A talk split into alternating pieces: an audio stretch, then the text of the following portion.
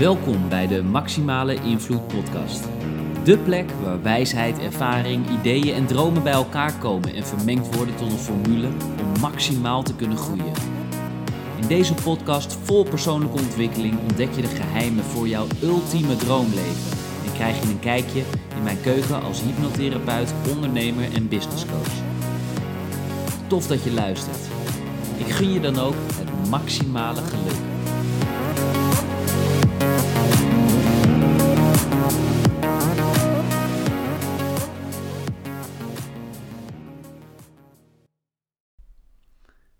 Welkom bij een nieuwe aflevering van de Maximale Invloed podcast. En ik kan je vertellen dat ik er heel veel zin in heb.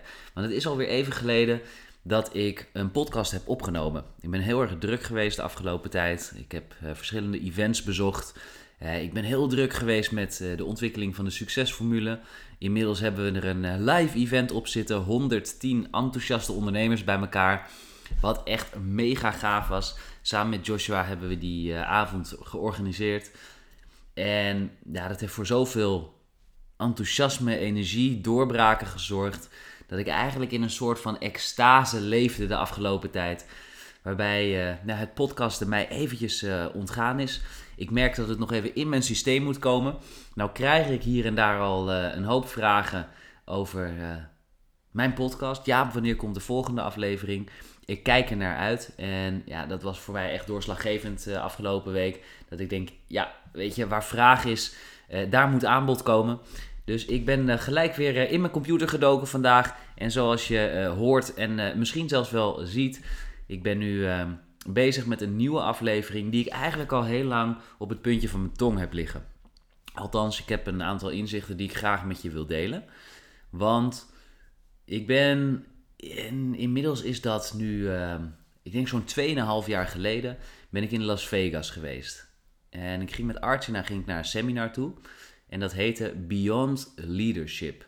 Was een, eh, een seminar, een vijfdaags seminar in Las Vegas. Um, prachtige omgeving, prachtige locatie, midden in Nevada, daar in de woestijn. En we zaten daar met 175 leaders van over de hele wereld. En dat was een heel bijzonder gezelschap. Want wat we merkten, dat um, er niet alleen een enorme selectie aan vooraf ging. Want dat seminar, daar kwam je niet zomaar. Daar moest je uh, eh, 10.000 euro voor betalen. Althans, dat hebben wij er uh, beide voor betaald. Om daar aanwezig te kunnen zijn. En dat is best een keuze die je moet maken natuurlijk. Ga ik zo'n hoop geld betalen om vijf dagen lang op een seminar aanwezig te zijn? Ja, en waarom zou je dat doen? Nou, daar hebben we best wel eventjes over in dubio gezeten, kan ik je vertellen. Want dat was best dat was de grootste investering die we op dat moment hadden gedaan. We gingen heel veel naar seminars. Um, we bezochten uh, cursussen, trainingen, events. We lazen heel veel boeken. Dus persoonlijke ontwikkeling, dat was al uh, zeker tien jaar lang top of mind bij ons. Dus daar deden we heel veel in en dat vinden we super belangrijk. Dus investeren in onszelf, ja, dat is eigenlijk de normaalste zaak van de wereld. Althans voor ons. We zien dat ook echt als de beste investering die je kan doen. Alleen ja, 10.000 euro voor een seminar en dan ook nog het hotel en de vlucht. En dat is best wel een, uh, een overweging waard. Althans, dat vonden wij. Maar waarom deden we dat? En wat heb ik daaruit gehaald? En dat ga ik je in deze podcast meegeven. Dus blijf luisteren tot het einde. Want het wordt echt een uh, bijzondere aflevering waarin ik een verhaal met je ga delen. En ook inzichten met je wil delen. Ja, die voor mij alles veranderd hebben. Ik, heb, uh, ik ga het hebben over een gesprek met een biljonair. En wie dat is, dat ga ik je zo meteen vertellen. Um, verder in de podcast. Maar dat is een heel bijzonder persoon. Die eigenlijk het uh, succes van Tony Robbins, die de meeste mensen wel kennen. En misschien jij ook wel. Um, ja, eigenlijk uh, mag wel zeggen dat hij verantwoordelijk is. Grotendeels voor het succes van Tony Robbins. Alleen zijn naam hoor je eigenlijk zelden tot nooit voorbij komen. Nou, ik heb met hem op een seminar gezeten. En op dat seminar, waar 175 leaders van over de hele wereld bij elkaar kwamen. Dat was in de tijd dat ik nog uh, ja, actief was in netwerkmarketing. Samen met Archina bouwden wij verschillende teams. Die we eigenlijk dat leerden ook weer te doen.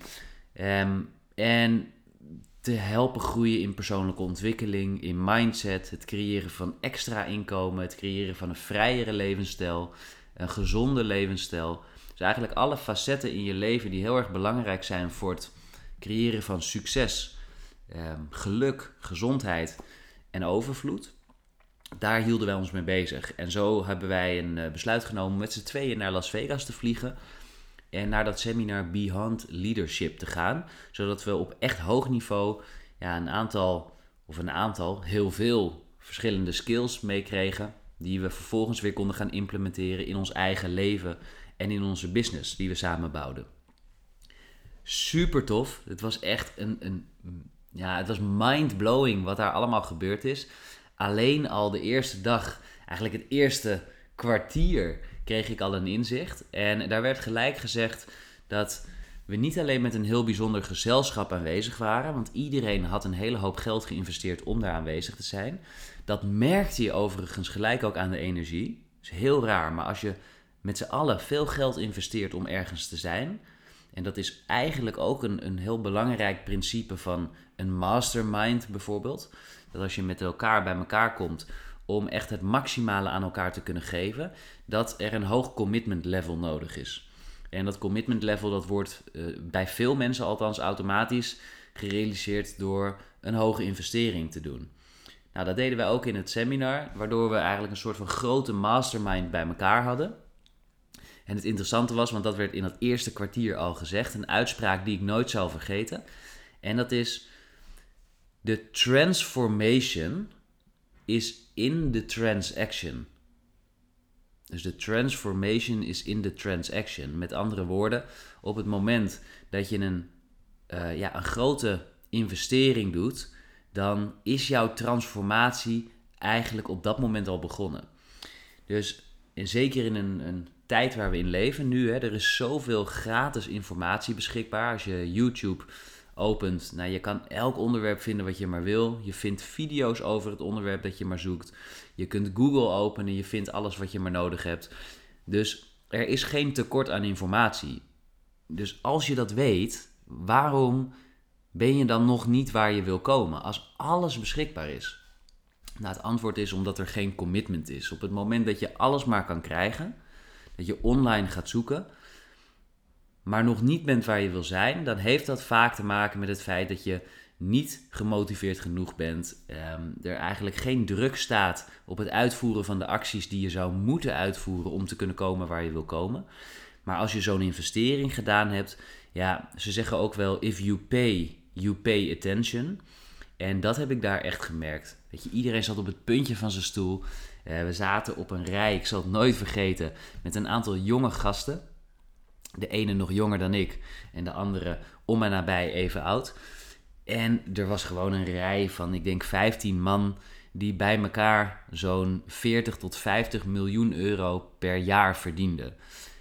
En dat was heel bijzonder. En dan gaat het niet om het geld per se, maar het gaat om de energie en om de gedachten die die mensen hebben. En daar zaten wij tussen. En het was zo interessant om te ontdekken dat we allemaal gelijk zijn. En vaak denken we, hè, we zijn heel erg gewend om al heel snel een label op iemand te plakken, een oordeel over iemand te vellen. Zodra we een verhaal horen of we horen dat iemand bijvoorbeeld heel veel geld verdient, dan automatisch, of we dat nou willen of niet, automatisch, dan denken we daar al iets anders over. Heel veel mensen voelen dan een afstand. Die denken van, oh jee, die, die, die staat al daar. Ehm, ja, kan ik daar wel mee praten? Kan ik daar wel mee in de buurt komen? Um, gek genoeg was dat daar helemaal niet. Iedereen was gelijk, iedereen connecte met elkaar. Uh, geld speelde geen rol, dus het maakte niet uit hoeveel geld je nou verdiende. Maar dat seminar was erop gericht om impact te maken. En daarom heette het ook Beyond Leadership, dus voorbij leadership. Zodat we echt een hoger niveau te pakken kregen, waarbij we de skills leren, of leerden op dat moment, om zoveel mogelijk mensen in onze omgeving te kunnen raken en de boodschap op de juiste manier over te kunnen brengen. Mega interessant. Nou, er zijn een aantal hele bekende mensen eh, op dat seminar verschenen. Alleen er is één iemand in het uh, bijzonder die ik graag wil introduceren in deze podcast, waar heel weinig mensen misschien de naam van kennen, maar wat ik al eerder zei in de introductie, die verantwoordelijk is geweest 24 jaar lang voor ja, misschien wel 90% van het succes van Tony Robbins. En zijn naam is Sam Georges. En Sam Georges is 24 jaar lang de CEO van Tony Robbins geweest. En heeft hem begeleid in uh, ja, de, de, de moeilijkste periodes van zijn leven. Maar ook de belangrijkste periodes in zijn leven. En Sam is een absolute biljonair. En wij zaten daar op een rij, moet je je voorstellen, dus 175 ja, grote leaders, leiders over de hele wereld bij elkaar, die allemaal stuk voor stuk hun team hadden of een gigantische following hadden of influencers bij elkaar, die mensen inspireerden en motiveerden om het beste uit hun leven te halen. En daar zaten wij tussen. Dus we hadden die investering gemaakt. Dus ik voelde me echt heel erg klein toen. Ja, ik zat daar en we keken om ons heen. En uh, het was echt wel de kat uit de boom kijken in het begin. Van ja, zitten we hier wel goed? Want er was zo'n bom aan energie ontstaan daar in die ruimte. Dat we eigenlijk niet wisten ja, wat we ermee aan moesten. We keken elkaar ook regelmatig aan, Artjana en ik. En dan, dan ja, glimlachten we een beetje. Uh, ja, misschien wel verlegen zelfs naar elkaar. Van oké, wat moeten we nou doen? Moeten we met al die grootheden gaan connecten? Want zo voelde dat in het begin nog, althans de eerste dag. Uh, tot denk ik uh, ja, halverwege de dag zo'n beetje. En toen merkten we dat die energieën allemaal bij elkaar, hele hoge energieën, hele krachtige energieën ook, dat die als het ware een soort van mengden met elkaar, waarbij er één energie ontstond. En dat was een, een ja, een soort van, zoals ik dat heb ervaren, een soort van bom van liefde, ehm, maar ook goedheid. Van, je voelde aan iedereen hoe mooi ze van binnen waren en hoe graag ze anderen wilden helpen. En dat was ook wat er bij elkaar gebracht wordt, uh, werd. Een, een, een groep mensen die allemaal een verschil wilden maken in de wereld. En om dat soort mensen bij elkaar te krijgen, blijkbaar was het dus ook nodig om een flinke investering te doen in dat seminar, om alleen daar al aanwezig te zijn. Ja, want daar hou je gewoon een hele hoop mensen mee buiten de deur, die niet serieus genoeg zijn. Nou, wij waren dat gelukkig wel. En toen kwam Sam Georges en hij kwam niet op de eerste dag, maar wel de eerste dag halverwege merkte ik dat die energie heel erg uh, ja, uh, één werd als het ware. Ik een diepe connectie met iedereen voelde. En we ook gelijk de eerste dag ook al persoonlijke verhalen begonnen te delen om het ijs te breken. Dus iedereen deelde zijn kwetsbare kanten, deelde zijn, ja, zoals dat heet, zijn fuck-ups. Dus de, de momenten waarop het echt slecht ging met je, of in jouw business, of waarop je misschien wel een organisatie had opgebouwd die vervolgens weer uit elkaar viel. En dat hadden wij ook meegemaakt en dat vertelden wij ook. Dus we hadden regelmatig de ups en downs meegemaakt binnen het ondernemerschap. En als je eenmaal daar beneden zit, dan is het gewoon heel erg moeilijk om er weer uit te klimmen. Zeker als je geen duidelijk doel hebt. Dus we deelden doelen met elkaar. We hadden het over waarom we deden wat we deden. En die waarom, hè, de why, was ook weer super belangrijk. Dus uh, sommige mensen gewoon echt hele kwetsbare verhalen. Waarbij uh, nou, er absoluut wel mensen waren die uh, moesten huilen. Die eh, het moeilijk vonden om hun angsten te bespreken. En dat was zo opvallend dat ik merkte, want ik kom zo meteen op het verhaal van Sam. Maar dat ik merkte dat die mensen die miljoenen verdienen, althans daar, dat die eigenlijk heel vaak nog met ja, hele, voor mij, um, ja, onnodige angsten rondliepen. Dat was zo bijzonder om te zien. En er waren een hele hoop mensen die hadden zo'n enorme organisatie opgebouwd. En misschien kan ik wel zeggen een imperium opgebouwd. Puur op wilskracht. En hadden motivatie gehaald uit ja, een moeilijk verleden. En ik merkte dat er best wel veel mensen met een, eenzelfde soort verhaal rondliepen. Maar die ook nog steeds de overtuiging hadden, ondanks dat ze al echt gigantisch veel geld verdienden en heel veel impact maakten, dat ze dezelfde gedachte hadden: ik ben niet goed genoeg. Ook op zo'n hoog niveau. En dat, ik vond het heel moeilijk om te begrijpen. Ik denk, hè, hoe kan het nou? Hoe, hoe, kunnen zij dat nou hebben? Ze hebben zoveel bewijs gekregen voor het feit dat ze zoveel mensen geholpen hebben, zoveel erkenning gekregen. Die influencers ook, die dagen na elkaar echt, echt eh, stapels positieve reacties krijgen van mensen.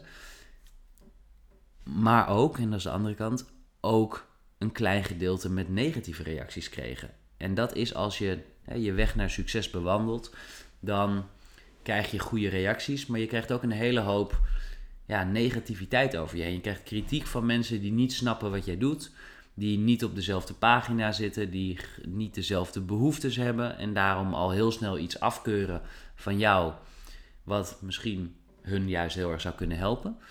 Uh, maar het heeft met allerlei verschillende gedachten en, uh, en dingen te maken. En het kan ook jaloezie zijn. Nou goed, wat wij automatisch doen als mensen is wij zoomen automatisch in op de negatieve reacties die we krijgen.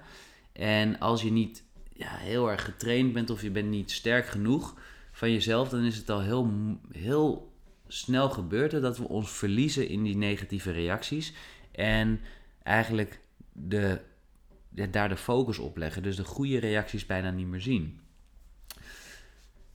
Waarom dat interessant was om te merken, is omdat we door te delen, ook op dat seminar, waar al zoveel nou, voor mij grootheden bij elkaar waren, er ook absolute doorbraken ontstonden. En we kregen technieken mee om makkelijker over je angsten heen te komen, om om te gaan met weerstand. Je hoorde ook al puur door het delen, het delen is helen, merkten we dat, dat we niet de enige waren die moeilijkheden hadden in de business. Dat we niet de enige waren die te maken hadden met het opbouwen van een organisatie en het weer afbreken ervan. Dat we niet altijd alles in eigen hand hebben. Dat we soms te maken hebben met omstandigheden waar heel veel energie naartoe gaat. Um, die je ook echt leeg kunnen trekken. En dat je vervolgens dan skills nodig hebt om die focus weer te verleggen op iets wat jou juist energie moet geven. Waardoor je weer uit dat dal kan kruipen. Dus dat was voor mij was dat echt, het, was, het heeft alles veranderd, dat seminar. Beyond Leadership. En toen kwam Sam Georges. En Sam Georges is een absolute biljonair. En hij had een gesprek met uh, Eric Worre op het podium. Dus moet je je voorstellen dat dan heb je een, eh, een zaal vol met allemaal um, grote leiders die uh, bij elkaar miljoenen per jaar verdienen. Echt gigantisch, sommigen zelfs een miljoen per maand, geloof het of niet. En we voelden ons allemaal klein. Want we zaten daar en er was een podium voor ons en er, er waren twee biljonairs die waren een gesprek met elkaar aan het voeren. En eigenlijk was het voor hun een heel normaal gesprek, maar ik merkte dat dat zo'n ander niveau was dan waar ik op zat. En aan de reacties in de zaal ook te zien, ja, iedereen hing aan de lippen van deze twee biljonairs.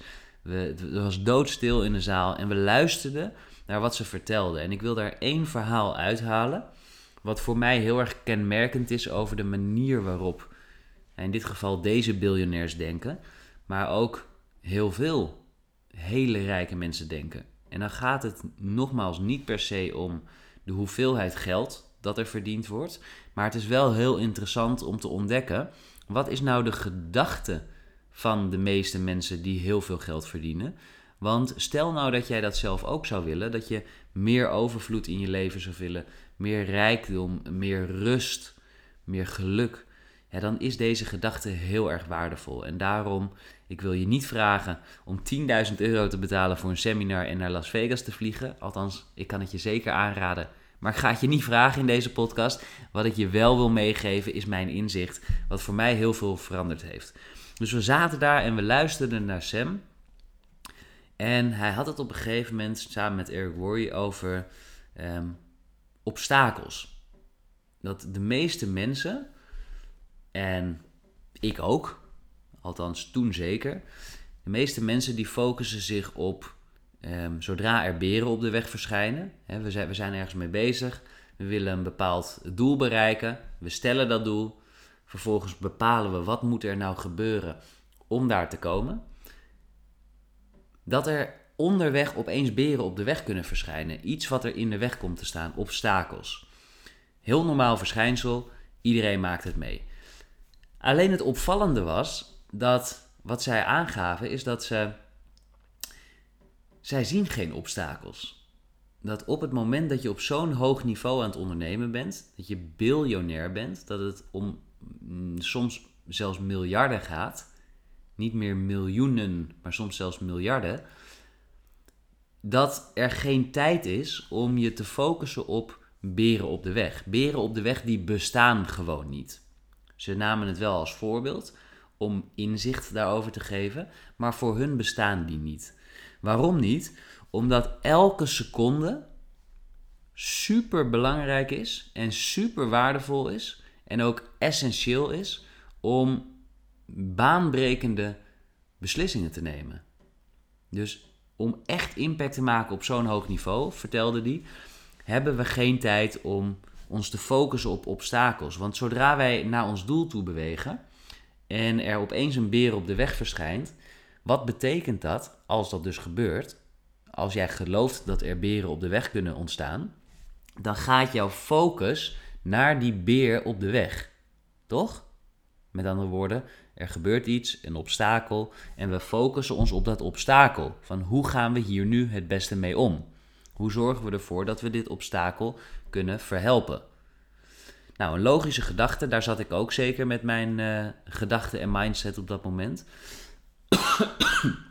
en ik zat na te denken over ja, hoe, hoe kan je dan het, de technieken, hoe kan je dan het beste obstakels omzeilen? Hoe kan je ervoor zorgen dat je er zo snel mogelijk geen last meer van hebt? Dat je tips of tricks hebt, zodat je ervoor zorgt dat het zo weinig mogelijk of misschien wel geen impact op je, hebt, je heeft. En dat was totaal niet hun gedachte, tot mijn verbazing. Zij hadden het over dat die beren niet bestaan. Want zodra er focus ligt op dat obstakel, op die beren op de weg, dan verlies je dus je focus op je doel. En al is het maar een paar seconden, gaven ze aan, die focus die je verliest, de energie die je stuurt naar het obstakel, wat er verschijnt, de belemmering, en dit kan van alles zijn natuurlijk, die kan bepalen of je die impact die je voor ogen hebt wel of niet gaat maken. Of je die investering wel of niet op de juiste manier kan doen. Of je die deal wel of niet closed. En daarom, en dat was een, voor mij echt een mega inzicht, is het heel belangrijk om je niet te focussen op een obstakel, maar je altijd te blijven focussen op het doel dat je voor ogen hebt. En tegelijkertijd, zodra er beren op de weg verschijnen, dat je die beren niet ziet, dat je gewoon van tevoren al weet dat er wel dingen gebeuren op het moment dat je ergens naartoe beweegt, dat je een doel wil gaan behalen, maar dat je tussen die beren door beweegt. Dus niet focust op die beren, op die obstakels, maar dat je een weg daartussen vindt, waardoor je geen moment focus en energie verliest en altijd je doel in zicht houdt. Want zodra je je doel uit ogen verliest, pam, ben je weg. Dan, dan, dan kun je het vergeten. Nou, dat was hun manier van denken en omgaan met obstakels, oftewel beren op de weg. Mega interessant, want sowieso als je dat op voorhand al weet, als je iets gaat, uh, ja, voor jezelf gaat bepalen, ik heb een doel, ik wil daarheen. Er kunnen dingen gaan gebeuren, sterker nog, er zullen dingen gaan gebeuren.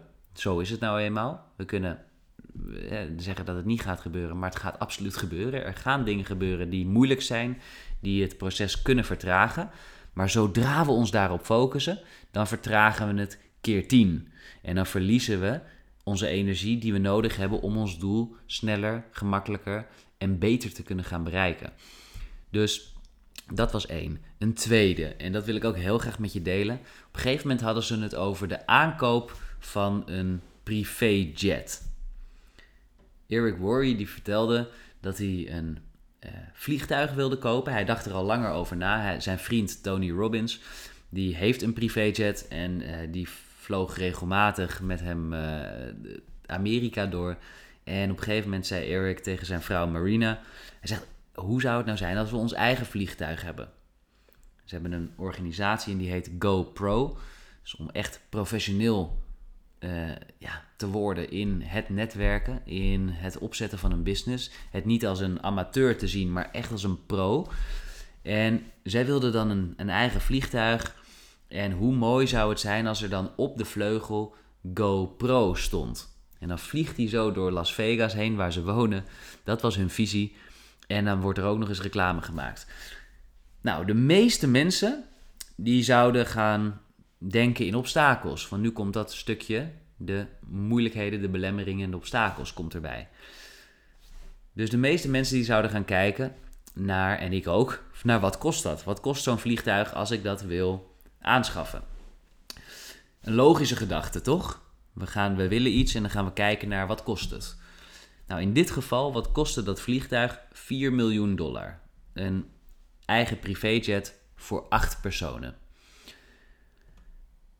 Dat is nog niet alles, want dan heb je het vliegtuig. Dan heb je een plek nodig waar die moet komen te staan. Nou, het is best moeilijk om in Las Vegas een, een plek te krijgen, want er is niet heel veel plek voor privéjets. Er zijn er best al een hoop, gek genoeg. Maar ehm, ja, er zijn niet heel veel plekken op het vliegveld te krijgen. Dus daar betaal je ook een hoop geld voor als die er al is. Nou, was gemiddeld 50.000 dollar per jaar om alleen je vliegtuig daar neer te zetten. Dus dan heb je 4 miljoen voor het vliegtuigje, 50 miljoen dollar wat je zou moeten betalen voor de, de staanplek. Nou, dan heb je nog onderhoud wat er voor nodig is, gemiddeld 10, 15.000 euro per jaar ehm, of dollar. Uh, dan had je nog uh, benzine nodig voor het vliegtuig, ook een hele hoop geld. Uh, dan had je nog um, belasting had je nog die je moest gaan betalen. Er waren nog allerlei andere wat was het, milieubelasting die erbij kwam kijken. Nou, allerlei andere kosten die voor heel veel mensen een showstopper zouden kunnen zijn. Dus we denken, we, we willen een privéjet. Maar in één keer zie je dat als je die optelsom gaat maken, wat er allemaal bij komt, dat de kosten vele malen hoger zijn. En het kwam uit ongeveer zelfs op 5,5 miljoen per jaar, wat het ongeveer dan zou, uh, zou kosten. En nu werd het interessant, want wat hij vertelde is dat dit is de normale gedachte van heel veel mensen. Die, die kijken naar wat kost het en hoe kan ik dat voor elkaar krijgen. Maar dit is geen moment zijn gedachte geweest. Hij heeft geen moment gedacht, wat kost het mij als ik een privéjet wil hebben? Wat hij wel gehad heeft vanaf moment 1, was de gedachte, hoe kan ik ervoor zorgen dat de privéjet die ik wil, dat die mij geld gaat opleveren? En dat is interessant. Dus hoe kan ik ervoor zorgen dat die privéjet die ik wil, dat het mij geld gaat opleveren? In plaats van wat kost het mij en hoe ga ik dat voor elkaar krijgen? Want dan zit je automatisch al in een vaste gedachte. Je moet je, je mind openen door vragen te stellen die luiden of die leiden naar oplossingen en naar mogelijkheden en kansen. Waarbij je in dit geval dus ervoor kan zorgen dat dat vliegtuig jouw geld oplevert. En wat gebeurde er? Daardoor, door die vraag te stellen, triggerde dat antwoorden. Waarop hij in één keer nadacht over: hey, Las Vegas heeft een hele hoop bekende DJ's. En ook heel veel Nederlandse DJ's die uh, graag naar Las Vegas vliegen om daar uh, te draaien. Ook regelmatig gevraagd worden. Beste DJ's van de wereld zijn daar te vinden. En het leuke is dat heel veel DJ's die willen heel graag uh, tussentijds, als ze in Las Vegas zijn, lekker met vrienden in een privéjet een, rond, rondvlucht kunnen maken. Ze even lekker naar Miami kunnen vliegen, daar kunnen shoppen, lekker kunnen eten in Florida. En dat gebeurt regelmatig daar. Dus toen kreeg Eric een idee. Hij denkt, hoe kan ik er nou voor zorgen dat dit vliegtuig mij geld oplevert in plaats van dat het mij wat kost? En hij dacht aan die DJ's. Hij denkt, ja, DJ's die willen, die willen elk moment kunnen vliegen in een privéjet als dat nodig is, als ze daar zin in hebben. Een tweede, toen ging je kijken naar hoe kan ik er nou voor zorgen dat ik kosteloos, sterker nog dat het mij geld oplevert, dat ik ergens mijn vliegtuig kan stallen. In plaats van die 50.000 dollar per jaar te betalen, hoe kan ik ervoor zorgen dat ik daar ergens gratis kan staan en dat het mij geld oplevert? En toen is hij gaan kijken en toen vond hij een, een vliegveld in Las Vegas waar een plek vrij was, waarbij hij een deal gesloten heeft met, die, uh, met dat vliegveld waarbij hij gratis zijn vliegtuig mocht stallen.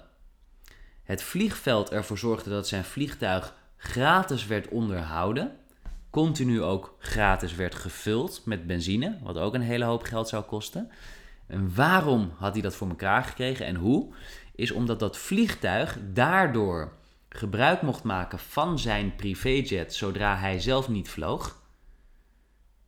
Is interessant. Waardoor ze dus een vliegtuig beschikbaar hadden op ieder moment dat een van die bekende DJ's erop uit zou willen gaan. En wat het allerleukste is, een vliegtuig gemiddeld kost 2000 dollar per uur om eventjes een, een rondvlucht te maken. En nu stond zijn vliegtuig gratis op dat vliegveld. werd helemaal onderhouden. Was elk moment was hij gereed om te vliegen. Als hij in zijn vingers knipte en nu wil ik vliegen, dan kon hij lekker vliegen. Maar wanneer hij niet vloog, en dat is het grootste deel, gedeelte van de tijd natuurlijk, konden de bekende DJ's in Las Vegas gebruik maken van zijn vliegtuig. 2000 dollar werd er per uur betaald. En waarom dat vliegveld dus dit allemaal gratis deed, is omdat zij een vliegtuig ter beschikking hadden, wat ze konden verhuren aan die DJ's. En 1000 dollar ging per uur naar het vliegveld. En daardoor konden ze die standplaats onderhouden. Uh, ze konden het vliegtuig onderhouden, benzine bijvullen. Want het is echt een business daar. En tegelijkertijd ging er ook nog eens 1000 dollar per uur dat Eric zelf niet vloog naar hem toe. Terwijl hij lekker zijn, zijn business aan het bouwen is. Of lekker op het strand ligt met zijn vrouw en kinderen. En andere dingen aan het doen was. Dus iets wat normaal geld zou kosten. Ging in alle opzichten geld opleveren voor hem. En dat was zo interessant om te ontdekken hoe zij dachten. Dus iedere keer gingen ze kijken naar hoe kan ik ervoor zorgen dat dit mij geld oplevert. Tegelijkertijd kwamen er nog een aantal andere voordelen bij kijken. Want in, helemaal in Amerika, eh, op het moment dat je daar een hele hoge investering doet, en in dit geval 4 miljoen dollar is een hoge investering, wat ervoor zorgt dat je heel veel belastingvoordeel hebt. Je kunt hem volledig aftrekken van de belasting en tegelijkertijd andere grote uitgaven in jouw onderneming kun je daardoor ook aftrekken. Dus allerlei voordelen kwamen erbij kijken, waardoor in plaats van zo'n 5,5 miljoen dollar wat het hem zou hebben gekost als hij de gedachte had: wat zou dit me kosten? Heeft het hem heel veel geld opgeleverd. Exact weet ik het niet, maar heel veel geld opgeleverd. Waarbij hij eigenlijk alles dus gratis heeft gekregen. Door slim te denken, op een heel ander niveau te denken. Geen belemmeringen te zien, geen moment tijd en energie verliezen in obstakels. Maar alleen maar kijken naar mogelijkheden en kansen. En daardoor dus op mogelijkheden en oplossingen komen die jouw geld opleveren. En dit is iets wat ja, de investering van 10.000 euro voor dat seminar voor mij al dubbel en dwars eruit had gehaald. Omdat dit me heel anders heeft nalaten denken. Dat eigenlijk alles wat jij wil in je leven, dat het geen geld hoeft te kosten. En vaak denken we van wel, want we denken, ja, maar ik, ik moet toch mijn portemonnee tevoorschijn halen. Ik moet toch kijken hoeveel ik te besteden heb. Ik moet toch kijken, uh, dit kost zoveel, ja, hoe ga ik dat betalen? Maar zodra je de vraag stelt van ja, wat kost het mij? Hoe ga ik dat betalen? Dan ben je met een verkeerde energie aan het denken. En dat is wat zij meegaven. Want op het moment dat je van tevoren de vraag stelt: oké, dit wil ik. En zie het leven als een soort van encyclopedie. Je slaat het boek open, je kijkt naar wat je wil. Je kijkt niet naar het prijskaartje. Je weet wel wat je ervoor moet betalen. Maar je kijkt niet naar het prijskaartje als in hoeveel heb ik zelf te besteden en wat kan ik daarvan kopen? Nee, wat wil ik? Dus je draait het om. En hoe zorg ik ervoor dat dit mij geld gaat opleveren? Nou, dat was voor mij dus nogmaals zo'n waardevol inzicht dat ik dat echt graag met je wilde delen. Want ik heb dat zelf ook op verschillende gebieden in mijn leven toegepast. Waardoor er best een hoop dingen zijn ontstaan. Nog niet alles wat ik wil. Ik heb nog geen privéjet, voor het geval dat je je dat afvraagt. Maar uh, ja, ik denk dat dat simpelweg te maken heeft gehad met het feit dat ik mezelf die vraag nog niet gesteld heb. Van hoe kan ik ervoor zorgen dat ik een privéjet krijg dat mij geld oplevert. Maar als je jezelf die vraag gaat stellen, dan zal je zien dat er dus antwoorden gaan komen. Want er zijn altijd antwoorden. Dat er antwoorden gaan komen die jou die richting opsturen. En ja, mega belangrijk om dat soort vragen te gaan stellen baanbrekend als je dat soort vragen gaat stellen. En ga daar ook eens mee oefenen voor jezelf. Althans, als je dat interessant vindt. Als je denkt van ja, dat vind ik een interessante gedachte. En ik wil wel eens gaan kijken ja, wat ik allemaal gaan, kan gaan creëren. Ik ken ook een aantal mensen die niets anders doen dan dit. Op dit moment uh, zit er zelfs iemand in New York die helemaal geen geld had en dat gemanifesteerd heeft door deze gedachtegang te hanteren. Van hoe kan ik ervoor zorgen dat ik betaald in New York kan zitten. Geen idee van tevoren, maar het is wel gebeurd. En nu verdient hij geld terwijl hij betaald in New York zit. Geen rode cent betaald, maar hij verdient geld. Dus door deze gedachte te gaan stellen, hoe kan ik ervoor zorgen dat iets mij geld gaat opleveren? Dan pas ga je zien dat er antwoorden op je pad komen eh, dat er gedachten ontstaan die je misschien van tevoren niet had. En dit heeft simpelweg te maken met het feit dat we ons vaak focussen op belemmeringen en die beren op de weg. Van ja, ik heb maar zoveel geld op mijn bankrekening. Dus ik kan dit en dit en dit niet doen. Nee, niet die gedachte moet je hebben. Je moet juist het omdraaien. Wat wil ik? Want alles wat jij maar wil, ja, dat is gewoon voor je beschikbaar. En als jij de gedachte hebt van ja, nou, dat geloof ik niet helemaal, kappen. Je bent het Sorry voor mijn taalgebruik, ik wilde bijna gaan schelden. Maar je bent het waard. Je bent het waard. Waarom zou jij dat niet kunnen krijgen? Waarom zou jij niet die wensen die je hebt kunnen vervullen, terwijl een ander dat wel kan? En waarom niet? Omdat we vaak de verkeerde gedachtegang hanteren. Dus daarom deze podcast speciaal voor jou. Ik hoop dat je er net zoveel aan zal hebben als dat ik gehad heb tot nu toe in mijn leven. En ik er nog aan ga hebben, want het is een gedachte die ik nooit meer loslaat. Hoe kan ik ervoor zorgen dat iets mij geld oplevert? En hoe kan ik ervoor zorgen dat ik dit kan realiseren? Wat het ook is.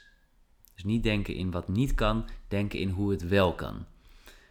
Een gesprek met een biljonair, zo heb ik hem genoemd, deze podcast. Omdat ik hoop dat je ook, dat je ook inziet dat dit ja, een, gedachte kunnen we allemaal hebben. Ook die biljonair die is begonnen met niets. En niet iedere biljonair begint met niets, maar deze wel. Sam. En heeft het helemaal opgebouwd vanaf de grond. Net als de meeste die ik gesproken heb. En het interessante is dat jij en ik, we verschillen niet zoveel van hem of van de anderen. Maar zodra je gaat switchen in gedachten, dan pas ga je het merken. Dus ik hoop dat je het waardevol vond. Ehm, vind je het tof om meer dit soort inzichten te horen? Uh, en wil je dat ik meer van dit soort inzichten met je ga delen? Laat het me vooral weten. Um, te gek zou ik het vinden als je me ook zou uh, raten. Succes in ja, wat is het? iTunes, Spotify, Soundcloud. Ik liep nog een beetje te stoeien vorige keer met uh, het overzetten van Soundcloud naar iTunes. Want hij pakte mijn RSS-code niet. Of mijn RSS-feed moet ik zeggen. Uh, ik hoop dat dat nu wel gelukt is. Dus waar je me dan ook vindt, ik zou het enorm waarderen als je mij ook zal, uh, uh, ja, een goede comment zou willen geven. Want dan kunnen we deze boodschap aan veel meer mensen verspreiden. En daarom neem ik het op voor je, zodat jij er wat aan kan hebben, zodat jij jouw leven positief kan gaan veranderen. En dat je dat vervolgens ook weer kan doorgeven aan een hoop anderen. Win-win. Dus doe er je, je voordeel mee. Ik wens je in ieder geval een fantastische dag toe. Nogmaals, dankjewel voor het luisteren. Tof dat je er weer bij was. En ik hoor je graag en misschien zelfs wel zie ik je graag in de volgende podcast of de podcast video. Want hij is ook opgenomen en ik zal hem op mijn YouTube kanaal zal ik hem voor je delen. Tot de volgende en eh, een hele fijne dag.